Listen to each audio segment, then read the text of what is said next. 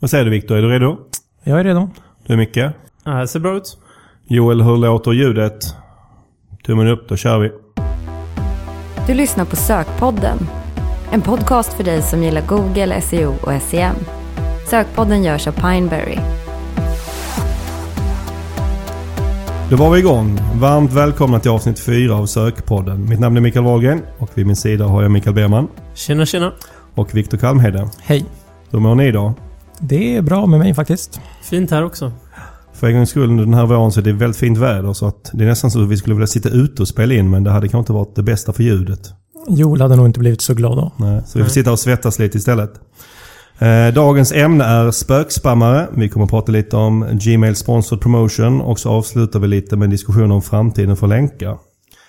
Eh, men jag vill börja med att passa på att understryka hur glada vi är för alla kommentarer kring sökpodden, eller hur? Ja, det är jätteroligt. Verkligen. Eh, Och om det är så att ni har någon kommentar på dagens avsnitt eh, så hör gärna av er på Twitter på att sokmotorkonsult eller skicka ett mail till sokpodden at pineberry.com. Eh, Två kommentarer vill jag lyfta fram från förra avsnittet. Den första är från Erik. Han mejlade och berättade att han gillade sökpodden väldigt mycket men att han tyckte att vår logotyp var, ja, lite trist helt enkelt. Tur att det inte var tvärtom. Eh, Hur menar du nu? Ja, att han tyckte podden var trist och loggan var Ja, snygg. Ja, precis såklart. Det hade ju varit betydligt sämre. Men eh, tack så mycket Erik eh, för dina förslag på eh, logotyper. Och vi har såklart eh, uppdaterat vår logotyp nu för sökpodden inför det här avsnittet. Och jag hoppas att du tycker att den är bättre Erik. Annars eh, får du gärna ha det igen. Eh, nästa kommentar som jag vill lyfta upp kommer från eh, Fredrik Norberg på eh, Fyndik. Ehm, som skrev så här på Twitter. Sökpodden ett måste för en e-handelsnörd. Och den här kommentaren tycker vi är liksom rolig, extra, lite extra rolig av två skäl. Dels att det är Fredrik som, som, som eh, gjorde den. Han är ju en, en tungviktare inom e-handels-Sverige. Eh, och dels just det här med, med nörderiet. För när vi bestämde oss för att göra Sökpodden så om vi jämför med andra sammanhang där vi brukar skriva eller prata så kanske vi brukar ta fram saker och prata om saker för en lite bredare publik. Men här var målet, eller hur, att göra det så nördigt nästan vi kunde. Mm. Ja. Och det är kul att, att, eh, att Fredrik och andra uppskattar det. Då börjar det bli hög tid att börja nörda ner oss i dagens ämne. Men och det första ämnet rör lite Google Analytics. Så jag tänkte att vi skulle börja med varvet runt med vår favoritfunktion just nu i Google Analytics. Vill du börja Mikael? Absolut, jag kan börja. Um, något jag tycker om i Google Analytics just nu är eh, när man har länkat gamla GVT eller som det numera heter Google Search Console med eh, Google Analytics. Så kan man under en flik under eh, förvärv och sökmotoroptimering se sökfrågor från Google och målsidor då som drivit trafik eller visats. Och det är ju alltid lite kul att komplettera med lite riktig sökordsdata. Hur ofta använder du denna? Flera gånger om dagen? Ja, och några gånger i veckan skulle jag säga. Eh, och Viktor, vad har du? Eh, ja, det finns ju många funktioner som man gillar, men en som jag har använt nu på slutet, eh, det är att vi kommer inte åt sökordsdatan som Micke precis sa i, i Analytics längre, utan man får ju utgå från målsidorna. Men nu hade jag en kund som, det gick inte att utläsa vad en målsida handlade om, utan den byggdes upp, URLen byggdes upp av parametrar helt enkelt. Men då kan man ju ställa in att den visar målsidans titel istället. Och då kan man ju se vad titeln är optimerad mot och därifrån dra slutsatser om vad det är för trafik som har kommit in då i det organiska söket. Så det är ett tips. Perfekt, tack för det Viktor. Eh, mitt tips, och det, jag vet inte om det beror på att jag är la, lite lat av mig, men det är ju eh, det här med genvägar eller shortcuts som det heter i den engelska versionen. Att man kan skapa genvägar så man lätt kan komma in till den, de viktiga siffrorna. För det finns ju ett, minst sagt ett gytter av siffror man kan titta på, mer eller mindre intressanta i Analytics. Men genom att skapa en genväg till exempel till hur den organiska trafiken fördelar sig per enhet. Eh, så kan man väldigt snabbt komma åt den och inte behöva komma ihåg hur man ska filtrera varje gång. Mm. Eh, Det är, tycker jag är extra bra när man ska eh, för liksom kanske kunder eller andra personer som inte använder Analytics varje dag. Att för att de ska komma ihåg hur man klickar sig fram så är genvägar väldigt praktiskt. Mm. Det är väldigt bra verktyg. Mm, verkligen.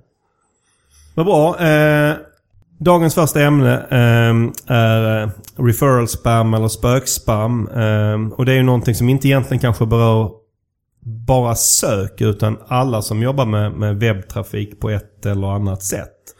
Eh, och vi har fått en del frågor indirekt kring det kring, kring, eh, från våra kunder. Jag vet det har diskuterats väldigt mycket för det har liksom ökat på slutet.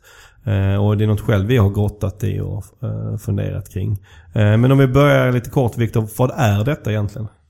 Ja, det har ju fått namnet referral spam för det var så det började dyka upp att man såg falsk referral-trafik i Analytics. Jag tror de flesta känner igen att de har sett SEMALT där till, till exempel. Men idag behöver det inte bara vara referrals utan det kan ju dyka upp som sökord, sidor eller events eller i stort sett vad som helst. All data i Analytics kan vara manipulerad på något sätt. Mm. Eh, och det är, det är alltså bottar som besöker din sajt eller på något sätt som manipulerar din eh, Analytics-data helt enkelt så att den inte stämmer med att det, det är inte faktiska besök. Det, det första frågan jag ställer mig när man, när man ställdes inför det här är liksom okej. Okay, varför gör någon det här överhuvudtaget? Jag brukar alltid tänka så. Varför gör man detta? Hur tjänar de pengar på det? För det kan ju tänk, tyckas lite konstigt i den här eh, trafiken varför någon skulle vilja manipulera ens analytics-data. Mm. Mm. Men, men hela logiken här är ju att, att de referral-spammarna vill ju att att de visar upp en, en URL eller en domän till exempel som du sa. Eh, det finns ju många nu som heter som event tracking har ni många sett och freesocialbuttons.com och liknande. Då vill de ju att man ska gå in man blir nyfiken på vad det är. Ja, så vill de att man går in på det och då på något sätt så kan du, de tjäna affiliate-intäkter. Eh, antingen kanske genom att sätta en cookie eller att de vidarebefordrar en till Amazon eller någonting. Och, där man kanske köper någonting eller, eller något, något i den mm. stilen. Um, uh, och när jag berättade det här för, för en, en, en, en kund så sa han ja men han förstod ändå inte riktigt varför de gjorde det. För att det är ju bara jag som tittar på min analytiska. Ja. Det kan ju inte vara så många personer som gör det här. Nej, det är ju inte kanske så många personer som tittar på ett enskilt analyticskonto och ser de här domänerna. Men med tanke på att det finns, jag tror jag senaste såg en siffra på att det finns en miljard webbsajter ungefär världen över. Nu använder inte alla Google Analytics mm. men en ganska stor del. Mm. Så blir det ganska många personer som exponeras för de här domänerna. Och mm. ja, det blir en del pengar. Men det är lite som, som e-mail, e-mail spam, att man undrar vem är det som verkligen klickar sig vidare på det här. Men i och med att du kan skicka ut det till så många så räcker det att några gör det så tjänar du pengar på det. Och det är robotar som jobbar åt det helt enkelt. Du behöver inte lägga ner så mycket tid. Mm. Nej, och sen har jag också läst om att det finns ju en annan, en, en annat skäl till man kan göra det som jag, inte tror är lika vanligt. Men, men, men, men också liksom egentligen ett SEO-skäl. För att det finns vissa som, sajter som publicerar sina webbloggar på sin domän av olika anledningar. Det är kanske inte det bästa man kan göra men det är vissa som gör det.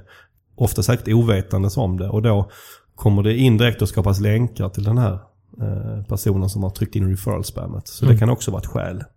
Mm. Okej, okay, men varför pratar vi om det här överhuvudtaget, eh, Micke? Hur skapar det här problem? Alltså det, det, skapar ju ganska stora problem förutom att det är då affiliates som tjänar pengar som kanske borde hamna hos handlarna istället. Eh, men det stora problemet som jag tror att eh, de flesta kan känna igen sig i som, som tittat mycket i Analytics på senare tid är ju att det är snedvriden och helt enkelt missvisande statistik. Eh, och det här påverkar ju din konverteringsgrad och bounce rate exempelvis eftersom du har så mycket spamtrafik i GA. Och antalet sessioner till exempel på direkttrafiken kan ju se väldigt annorlunda ut mot vad det egentligen är mm. så att säga. Jag hade en, eh, en, en, kund som jag tittade på datorn på ganska nyligen, förra veckan för att vara mer exakt. Och, och han har en ganska liten sajt han hade och kanske tusen besök per, per månad. Men då visade det sig, att därför det har gått upp väldigt mycket från de här tusen då. Och då visade det sig att ungefär 60% av all hans, hans trafik, eller mätt i sessioner då, var någon form av spam. Mm. Mm. Så eller alla hans konverteringstal, han brukar titta liksom på totalen. Det blir helt knas liksom. Mm. Så i hans fall fick man börja titta istället bara på den organiska trafiken eh, och på hans betalda trafik för att kunna få en vettig konverteringsgrad. Mm. Man kanske ska förtydliga här också att det här är ingenting som gör att du rankar sämre. Alltså det är inte farligt för SEO-synpunkt och det skadar inte din sajt utan det är din data som blir korrupt helt enkelt. Mm. Och, då, och då gör det att du kanske drar fler slutsatser som i sin i förlängningen kan skada ditt ja, arbete med online-marknadsföring. Men Mm. Ja, precis. Och det, det handlar heller inte, det kan man nästan tro med tanke på namnet, men det handlar inte om något form av intrång på sajten utan det är liksom, men, men det är ju nog så illa när man ska analysera datan så att säga. Ehm, och sen finns det ju inte nog med att det, det, det här spammet finns. Det finns två typer av spam också. Eh, det- den, första, den första och den kanske man mest eh, som är vanligast man har pratat om tidigare är det som egentligen då är referral spammet. Då är det liksom bottar och spindlar som likt Google kommer in på din sajt och, och sätter avtryck helt enkelt. Men det finns en, en annan typ också som, som har, vad vi vet, vuxit ganska mycket på slutet och som står för den största delen av det här spammet. Och det är det som på engelska brukar kallas Ghost Referral Spam eller spökspam. Ehm, och det är spam i din analy- analytics där besökaren, eller där, där de inte ens kommer in på din sajt överhuvudtaget. Ehm, och de, de, de resulterar egentligen i samma sak. Liksom. De, de, konsekvenserna av det är samma sak. Men, men, men, men, men det är ju kanske det här spökspammet som har blivit det, som har exploderat nu på slutet. Ja, och det, det har vi sett nu under våren. Att jag tror alla har sett hur det har gått upp helt enkelt. Mm, extremt mycket. Och det man kan fråga sig där, hur kan de få till det här utan att inte ens komma in på din sajt utan att få gräva ner sig för mycket i det tekniska så är det så att de, de anropar Analytics-server direkt. Mm. Och skjuter in data. Och genom på det sättet så påverkar de din data utan att ens besöka din sajt. Eh, Viktor, hur, om man nu, hur löser man det här då så att man får en ren data i Analytics så man kan dra rätt slutsatser helt enkelt? Mm. Ja, det finns ju flera olika sätt för att komma åt de här olika typerna av spammen. Men till att börja med så Förra året så tog ju Google fram själva en funktion i, i Analytics där du kan göra en inställning att den ska välja bort eller filtrera bort eh, spam från bottar. Eh, och det är, det är en inställning du gör på själva vin. Eh, och den metoden funkar väl sisådär för det är ju så att eh, spammarna ligger ju hela tiden i framkant och Google släpar lite efter helt enkelt. Eh, Men det är ju alltid bra att man gör den inställningen. Och den hjälper heller inte mot spökspammarna? Nej, precis. Utan den kommer ju bara åt själva bottarna som besöker eh, sajten. Eh, och ett annat sätt för att komma åt dem det är ju att du, gör en, att du blockar dem i din HT-access-fil eh, helt enkelt. Att du får skriva in eh, kod där som, som blockar dem. Och det är ju inget som den, den vanliga användaren kan göra utan där får man ju ta hjälp av någon som kan det här helt enkelt. Och just HT-access-filen det är en väldigt kraftfull fil. Så där gäller det att hålla tungan rätt i mun så man inte gör fel. För då kan man sänka hela, he, hela sajten. Så där gäller det att veta vad, vad, vad man gör. Men här då också kan man, helt, här kan man då lägga till vilka man vill blockera. Och fördelen när man eh, blockerar dem på det här sättet är att då blockerar de att överhuvudtaget komma åt, komma in på, på sajten. Eh, så du, eh, de belastar inte servern helt enkelt. Du stoppar dem, stoppar dem innan de ens kommer in. Men hur löser man då? Okej, det här får bottnarna då om man ska stänga ute dem. Hur gör man med eh, spökspammarna? Ja, där får man ju då ha ett annat eh, an- angreppssätt. Och eh, de, får man också helt enkelt eh, filtrera bort.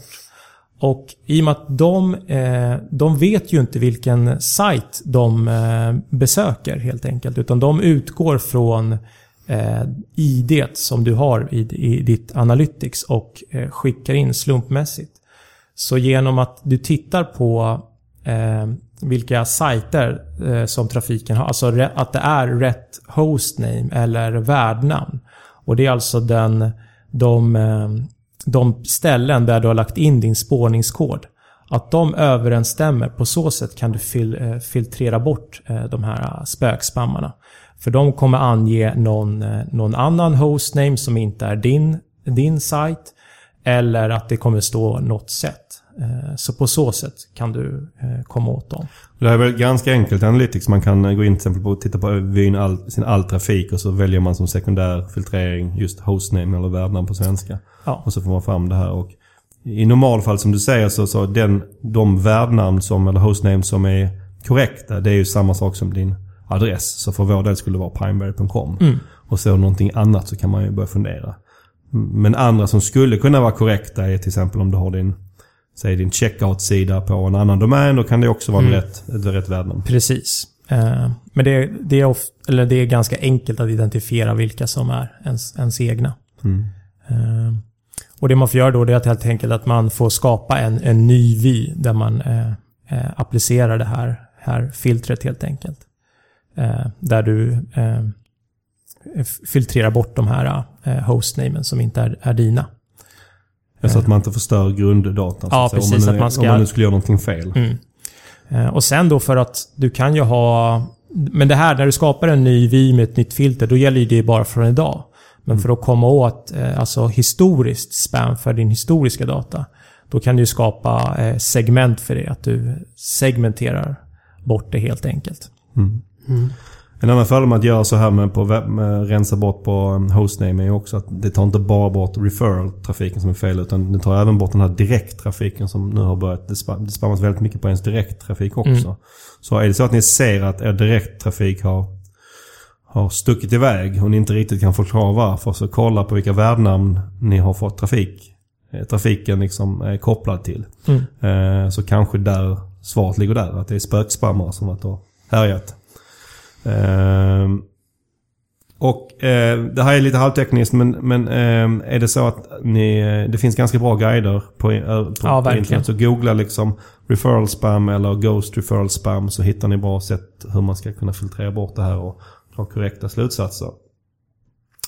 Då eh, lämnar vi spökena och går över till någon, någon annan spännande sak eh, som är eh, närmare bestämt Google Sponsored Promotion eller GSP som det ofta förkort, förkortas.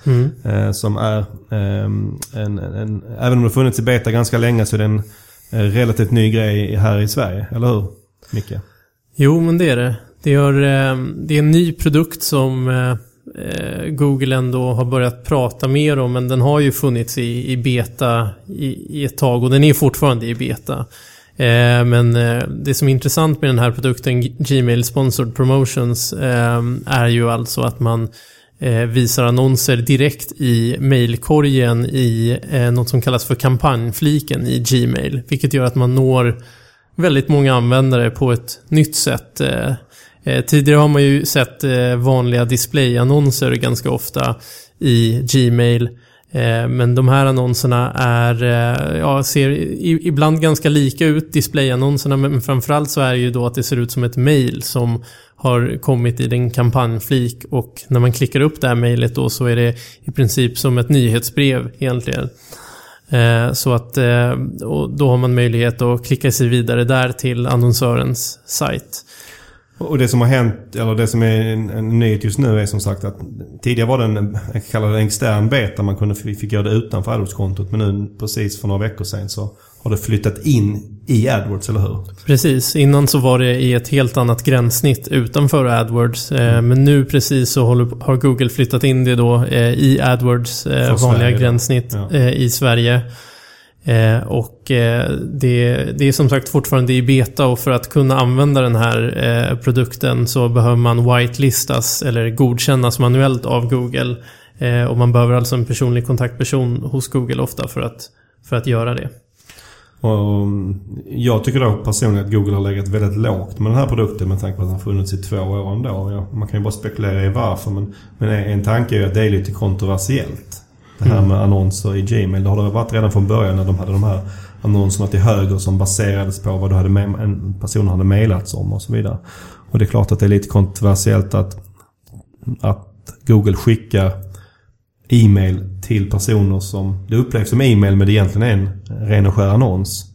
Eh, Och det är ju lite integritetskänsligt. Ja, ja, precis. Och det här lanserades ju strax efter de här tabbarna dök upp i Gmail. Där den ena nu heter Promotions eller kampanjer på, på svenska. Ehm, och ehm, om man inte gillar de här som användare så är ett sätt att ta bort dem är att ta bort den här tabben kampanjer. Uh, nedsidan med det är att då kommer ju ens övriga kampanjerbjudande tryckas in i inboxen. Jag själv tyckte de här tabbarna var ganska bra när de kom. Ja, jag gillar verkligen kampanj. Så man får nyhetsbreven på ett ställe. Mm. Väldigt smidigt. Okej, men vad, låt säga att det är lite kanske kontroversiellt från ett, an, från ett användarperspektiv, att det är integritetsfrågor och sådär. Men vad, vad, tycker, vad, vad tycker vi från ett annonsörsperspektiv? Ja, det är en ganska spännande produkt från ett annonsörsperspektiv. Eh, jag skulle se det lite som ett mellanting mellan display eller Facebook-annonsering eh, eh, och just textannonser i söknätverket kanske. För att det känns som att eh, andelen avslut man faktiskt får eh, i de testerna som vi har gjort så är det någonstans där mittemellan. Alltså det här är ju ändå en form av annonsering där användarna faktiskt inte är direkt ute efter det eh, du som annonsör erbjuder. Men det kan ändå vara ett ganska kraftfullt verktyg om man lyckas göra en riktad annonsering. Och det finns ganska bra verktyg för att göra det. Ja precis, och när, Google marknadsför det här mot oss så, så, så, tycker de väldigt mycket på att det här är varumärkes, en varumärkeskanal. Precis som de tycker att YouTube är det. Men vår syn på det är väl kanske att visst, det är en del varumärkessaker som man, man kan fundera kring det här. Men man, man kan även generera en viss form av direktförsäljning. Mm. Även om det inte alls är kanske lika kraftfullt som, som söknätverket. Precis. Eh, om man har ett bra erbjudande eh, och har en, en, en vass eh, annons helt enkelt så kan man nog eh, lyckas ganska bra med den här kanalen. Eh, och det finns många saker som skiljer eh, Gmail-annonseringen eh, från annan display-annonsering då vi har lite nya inriktningar som är eh, väldigt spännande för många annonsörer. Eh, man kan till exempel mejla alla Eh, dina konkurrenters kunder helt enkelt. Så säg att man är HBO exempelvis och man vill slå sig in på marknaden i Sverige. Då kan man alltså skicka iväg ett mail i form av en annons till alla Netflix kunder. Eh, så det är en ganska spännande kanal och har man ett bra erbjudande där så kanske man kan vinna över några användare.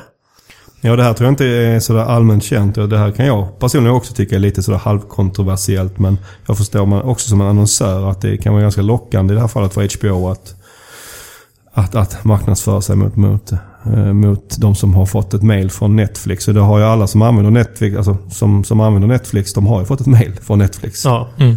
Mm. Men precis. Men så det är ett ganska kraftfullt verktyg på, på det sättet. Eh, Eh, vad kan man mer alltså, annonsera mot? Alltså, vad kan man mer filtrera när man annonserar? Ja, alltså man kan också använda sig av sökord som då mm. baseras på om eh, det här sökordet då har nämnts i en e-mail-konversation. Eh, och det är ju också ganska integritetskänsligt mm. kan man ju säga. Eh, men man kan också ställa in eh, på demografiska variabler och geografiska eh, regioner eh, precis som man kan i vanliga displaykampanjer.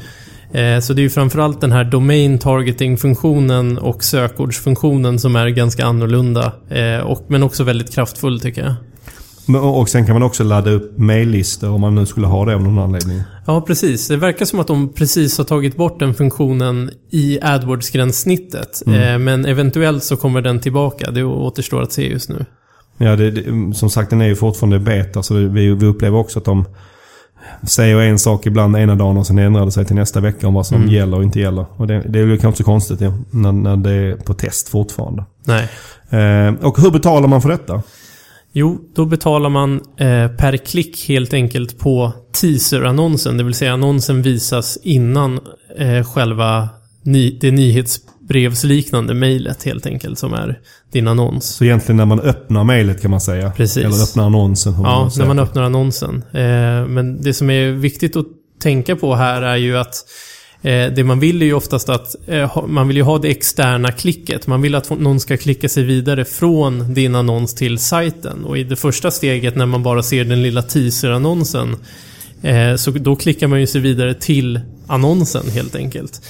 Eh, så att eh, det externa klicket kan bli ganska mycket dyrare helt enkelt än bara klicket på teaser-annonsen. Så det är bra att vara medveten om vilka eh, värden man ska kolla på helt enkelt. Och då, då kan jag ändå nämna att det finns några andra funktioner här som är intressanta. Och det, under själva annonsen som liknar ett nyhetsbrev Eh, så finns det två knappar också som heter eh, Save to Inbox eller eh, Spara i inkorgen och Forward och vidarebefordra. Och det betyder alltså att användare kan spara mejlet i eh, sin inbox. Eller så kan de vidarebefordra det till någon. Och eh, det är ganska häftigt att visa ja, att visa sina kunder exempelvis på hur många som har skickat vidare det här erbjudandet eller som har sparat mejlet. Så det finns ju några mjuka värden här som kan vara ganska intressanta. Mm, eh, och när vi, om vi tittar, vi har ju kört här från en, en del kunder här i beta. Är det någonting vi, några saker vi tycker att står ut eller några, några saker vi har lärt oss kring Ja, jag tycker att, alltså att ha ett väldigt genomtänkt annonsbudskap skulle jag säga är nästan ännu viktigare här än i, i söknätverket med textannonser. För att eh, det handlar verkligen om att få det här externa klicket då, att man klickar från annonsen in till sajten. Och Därför så eh, tror jag att det kan vara bra om man har ett, ja, ett starkt erbjudande, kanske en rabattkod exempelvis, eh, eller ett starkt call to action där man verkligen leder folk till en åtgärd. Vill man boka tid eller vill man beställa någonting? Eh, så att man verkligen leder konsumenten dit helt enkelt. I och med att de inte kanske aktivt letar efter just nu så måste man kanske vara ännu mer övertygande för att, för att locka till sig dem. Precis. Och sen dessutom så betalar man ju heller inte för själva klicket till det externa klicket till sajten i och med att man betalar för öppnandet av mejlet. Precis. Så man behöver inte vara rädd för att folk i onödan klickar på ens erbjudande så att säga. Nej, precis. Eh, man väl har öppnat mejlet. Precis. Och, eh, sen så är det ju så att eh, nu när det är i AdWords-gränssnittet så behöver man inte lägga på en manuell spårningskod längre. Eh, också så att Google eh, taggar upp den här trafiken automatiskt eh, i AdWords förutsatt att du har automatisk taggning på i AdWords. Mm. Vad bra. Då äh, lämnar vi äh, GSP för nu. Vi kanske får äh, anledning att återkomma till det i någon podd längre fram när det har kanske kommit ur beta och vi har ännu mer erfarenhet, erfarenhet av det. Mm. Eh, och så avslutar vi med, med dagens eh, sista ämne som är framtiden för länkar. Och vi som jobbar med sök det finns väl knappt något ämne som är mer kontroversiellt än just länkar. Finns det det? Nej. nej det finns ingenting nej. man kan börja prata med någon om som där, där folk kan bli så upprörda. Från, ja. från alla former av läger. Och, och, oavsett vad man tycker eller inte tycker om länkar ja. så finns det ingenting som, som, som är så laddat som just länkar. Vill man ha debatt så prata länkar. Ja, mm. eh, så vi ska ge oss på det här idag. Jag tänkte att prata lite om framtiden för länkar. Eh, och jag vill börja med att säga att egentligen tycker vi inte att nu gör vi det här lite för det här är kul. Men för egentligen ska man inte spekulera för mycket i, i eventuella framtida algoritmer. För man vet aldrig vad som kommer att hända. Mm. Ta till exempel när Google Plus som vi har pratat om tidigare här i podden. Google Plus lanserades så trodde väldigt många att det skulle bli en viktig del av algoritmen och det mm. blev det inte. Så man ska, vi tycker ju egentligen att man ska optimera för hur det fungerar idag. Men vi ska ändå eh, eh, låta oss spekulera lite i framtiden för länkar här och nu. Mm. Och... Eh, som sagt, det finns lite olika syn på länkar och vi som sitter här i det här rummet eh, är ju av åsikten att länkar är en väldigt, väldigt viktig faktor i algoritmen. Eh, men just den diskussionen, hur viktigt länkar är, tänkte jag att det kan vi lägga åt sidan. Eh, till någon, kanske någon annan podd. Men utan, för jag tror att de flest, nästan alla som jobbar med SEO kan nog vara överens om att länkar är viktigt. Eh, sen kan vi diskutera om hur viktigt det är, men att det är viktigt i alla fall. Ja. Mm. Det tror jag att de flesta skriver under på, eller hur? Ja, det, det hoppas jag. Absolut. Eh, så då, det vi tänkte diskutera idag är Kommer länkar fortsätta vara viktigt eh, i algoritmen framöver? Eller kommer det bli en, en inte alls så viktig signal som säger, säger som mobilvänlighetssignalen nu blev efter Morgonbagen. Det blev, var ju inte en stor signal. Nej. Eh, kommer det bli så att länkar går mot det eller kommer det fortsätta vara en viktig signal? Mm. Um, och då har vi, um, har vi några saker här, till, eller hur, som vi tycker talar för och några som talar emot detta. Om jag får börja med den första som jag tycker jag talar för att länkar kommer fortsätta vara en viktig signal. Det är ju det att om man backar bandet lite, 15 år i tiden ungefär, så, så anledningen till att, att Google slog igenom, att de egentligen slog undan benen på alla sökmotorer, var att deras sökresultat var vansinnigt mycket bättre. Du slapp eh, bläddra till sida 2, 3, 4 som man behövde göra på Alta Vista till exempel. Eh, och det fanns ju såklart flera anledningar till det. Att de var en bättre sökmotor. Men en viktig faktor var ju att de, de, de lade större tyngd vid länkar och hanterade det på ett bättre sätt. Och det kommer ju från att, att, att anledningen till att de gjorde det är ju för att grundarna Brin och Page kom från, från den akademiska världen och tyckte länkar var någon form av källhänvisning. Att det här visar på relevans och, och, och mm. auktoritet. Och i och med att de kommer från den historien så tror jag liksom att det, det är ett, ett, ett, ett argument för att det, det, ska mycket till för att de ska backa på det så att säga. Ja, de har ju jobbat med det på det sättet från början. Ja, och varit en framgångsfaktor ja, för dem. precis. Mm. Och sen... Eh, men sen har de dessutom testat utan länkar, eller hur? Ja, det, det, det har de gjort. Eller det, jag tror att de gör det kontinuerligt. Men de har också gått ut med och sagt att de Eh, Eh, de gör ju test hos sig av algoritmen och då testade de att de tog bort helt enkelt länkar som en faktor utan bara såg på sina andra signaler. Och sen så undersökte de hur sökresultaten då blev och eh, de blev ju inte lika bra helt enkelt. Så länkar var en, en viktig del som gjorde att resultaten blev mer eh, relevanta. Eh, så det här testar de ju och utvärderar och kom, fram, och kom fram till att nej, länkar är fortfarande en viktig del som funkar. Och vi har ju även sett det här eh, skarpt, alltså att det har gjorts live av andra sökmotorer. Eh, till exempel ryska sökmotorn Yandex, eller hur? Ja, precis. De, eh, det var väl förra året som de gick ut med att de skulle ta bort länkar som rankingsignal.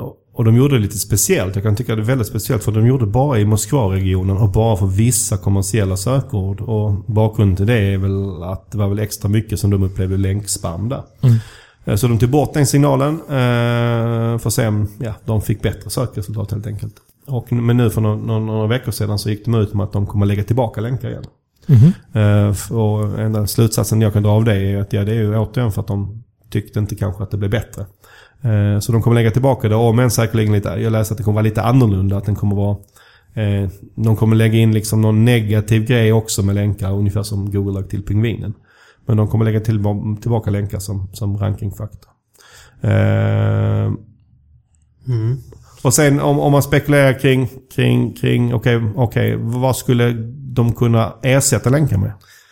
Så det är ganska svårt att hitta något som är bättre. Det är svårt att komma på något som skulle vara bättre på, på rak arm. Om man, om man jämför med andra tänkbara signaler så är ju länkar ändå ganska svårt att manipulera. Eh, och det ger ju oftast en ganska bra indikation på kvalitet och relevans. Eh, för om man tänker sig vad som skulle kunna tänkas ersätta som eh, ja, sociala signaler är det många som pratar om. Och, Eh, trafikdata eller eh, bounce rate eller kanske att man skulle ha eh, väldigt många manuella granskare. Men eh, det, skulle, det låter väldigt komplicerat och eh, ja, de här andra faktorerna är ju mycket lättare kanske eventuellt att manipulera. Ja, och länkar är ju någonting som varar över tid också. Sociala signaler kan vara väldigt tillfälligt.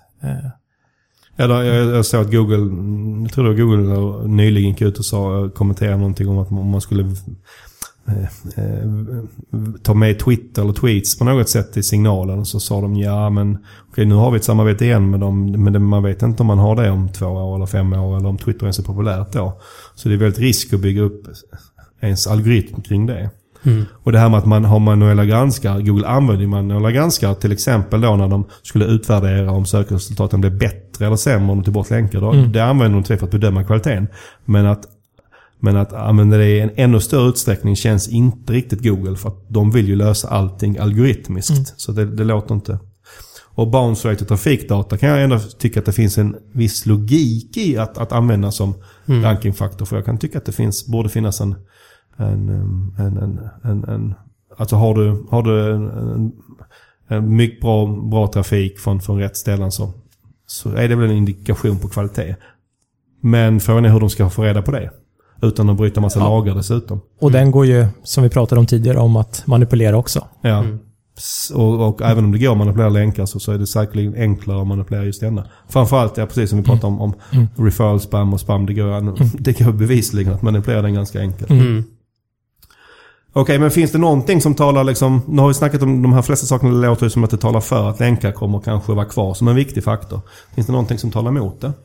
Ja, alltså länkar går ju också och att eh, man, manipulera. Eh, och eh, Google de är ju ganska bra på att upptäcka det här och eh, eh, eh alltså de olika teknikerna för att manipulera länkar, att identifiera dem och eh, bekämpa dem. Men eh, det går ju som sagt att, att, att jobba med länkar för att förändra eh, sökresultatet. Så att om de, eh, Google skulle komma fram till att de, eh, det, det, är för jobbigt att försöka lösa det här så, så kanske de hittar en annan signal. Även om vi har svårt att hitta vad det skulle kunna vara istället ja. så sitter det många smarta människor där så det är möjligt att de skulle kunna hitta någonting. Mm. Därför man kan titta till saker som, som de, de är ganska bra tycker jag också på saker som när det gäller länkar som överutnyttjas något enormt. Som sig länkkataloger var väl en period. Och sen i USA så var det ju gästbloggande som satt, i- gjordes industriellt nästan. Liksom. Och då, då har de ju till viss del liksom slagit ner och begränsat värdet av det. Så att de, de är hyfsat duktiga på att städa, eh, upplever jag, eh, kring, kring, kring, kring länkar i alla fall. Mm. Mm. Ehm, det kanske är största skälet som jag kan se framför mig till att länkar skulle um, få förminskad eh, betydelse eller liksom försvinna bort i periferin. Det är, det är väl det att, att det länkas mindre. För att om man tittar på de svenska dagstidningarna som kanske då är den bästa typen, en, en bra typ av källhänvisning. De Mm. skriver oftast om någonting, nyhet eller någonting någon- och, och anger någon källa. Men de är inte världsmästare på att länka ut, eller hur? Nej, verkligen inte. De vill ju inte sk- skicka bort trafiken från sin egen sida. Nej. Och blir det så att vi, det är färre och färre som länkar, vilket Mm. det kanske man kan tänka sig att det kommer bli. Eh, Det kanske är så att eh, man kan se en framtid framför sig där de flesta agerar på sociala medier istället på webbsajter. Det blir kanske inte lika naturligt att länka av någon anledning. Eh, då kan ju det här med länkar bli ett problem. För att då kommer de här fördelarna som du tog upp Viktor, att det är en långsiktighet. Och då kommer, då kommer det inte finnas lika många länkar som kan bedöma en, en sajts kvalitet. Helt Nej, då är det för lite data att utgå ifrån för Ja. att göra den bedömningen helt Mm. enkelt. Ehm, men alltså det finns några faktorer som talar för och några som talar emot. Och precis här innan vi körde igång eh, dagens podd så frågade jag runt lite vad vi tror om 10 år. Alltså om 2025. Kommer, kommer länkar vara en viktig faktor i algoritmen eller inte då? Och vi var alla här överens om att vi, vi, vi tror, även om det såklart i, på inget sätt går att veta, så är det det vi, vi tror eller rätt sagt kanske gissar på. Ska vi Ja, säga. nu spekulerar vi Nu verkligen. spekulerar vi verkligen. Ehm, och, men bara för att göra en jämförelse. Vi, vi tror här, vi tror i alla fall att det är mer sannolikt att Google som sökmotor har blivit marginaliserad av någon anledning. Att kanske inte vi använder Google på samma sätt som vi gör idag. Än att just länkar, än att Google är kvar som en viktig sökmotor och att de har tagit bort länkar som en, som en, som en viktig del av, av algoritmen. Men eh, det är långt till 2025 och den som lever får se helt enkelt. Mm. Är det så att det är någon där ute som har någon, någon bra fundering på vad som skulle kunna vara en alternativ rankingfaktor som skulle kunna ta länkars plats? Så får ni gärna höra av er för det skulle vara spännande att se vad, vad det skulle kunna vara. Ja. Mm. Eh, då börjar vi närma oss slutet på eh, dagens podd. Eh, och eh, nu är det snart sommar och eh, semester och sådär. Har ni några specifika planer för sommaren? Nej, jag ska försöka njuta så mycket av det härliga vädret. Jag älskar sommaren och hänga med mina barn och vara ute i trädgården och skogen och dra ner till stranden och bada mycket och så. Det låter bra. Mm. Du Micke, vad har du? Eh, jag tänkte åka på en liten roadtrip och sen så hoppas jag få till en sommarspelning med mitt eh, rockband som spelar lite Stone Temple Pilots-influerad musik. Vad heter bandet? Eller det, Ja, vi, har ing- vi har ett arbetsnamn men det, Okej. det är inget vi går ut med än. Men, okej. Okej, Det är lite hemligt. Ja, det är lite hemligt än. Men, ja, eh, jag har hört och det låter väldigt bra. Okej. ja, Mm. kul. Ja, för er som inte lyssnade på, eh, på första avsnittet tror jag det var så det, det är ni som har gjort jingeln till, till, till sökpodden. Ja, precis. Det är jag som har gjort jingeln, ja, precis. Till och med. Ja. Ja. Eh, för min egen del så hoppas jag också på bra väder för bada med mina barn. Eh, och sen dessutom så eh, är målet att komma i form till Bellmanstafetten som vi varje år springer här med Pineberry. Det är mitten av augusti. Det ser inte jättelovande ut just nu men det är ändå, vad är det, två månader kvar så att jag ska göra mitt bästa. Mm. Eh, under juli kommer vi ha lite break här på Sökpodden. Då kommer det inget nytt avsnitt. Men vi är tillbaka eh, i augusti. Tills dess lyssna, eh, önskar vi alla lyssnare såklart en, en fantastisk sommar. Och så ses vi igen i augusti. Tack och hej för idag. Hej då! Hej då!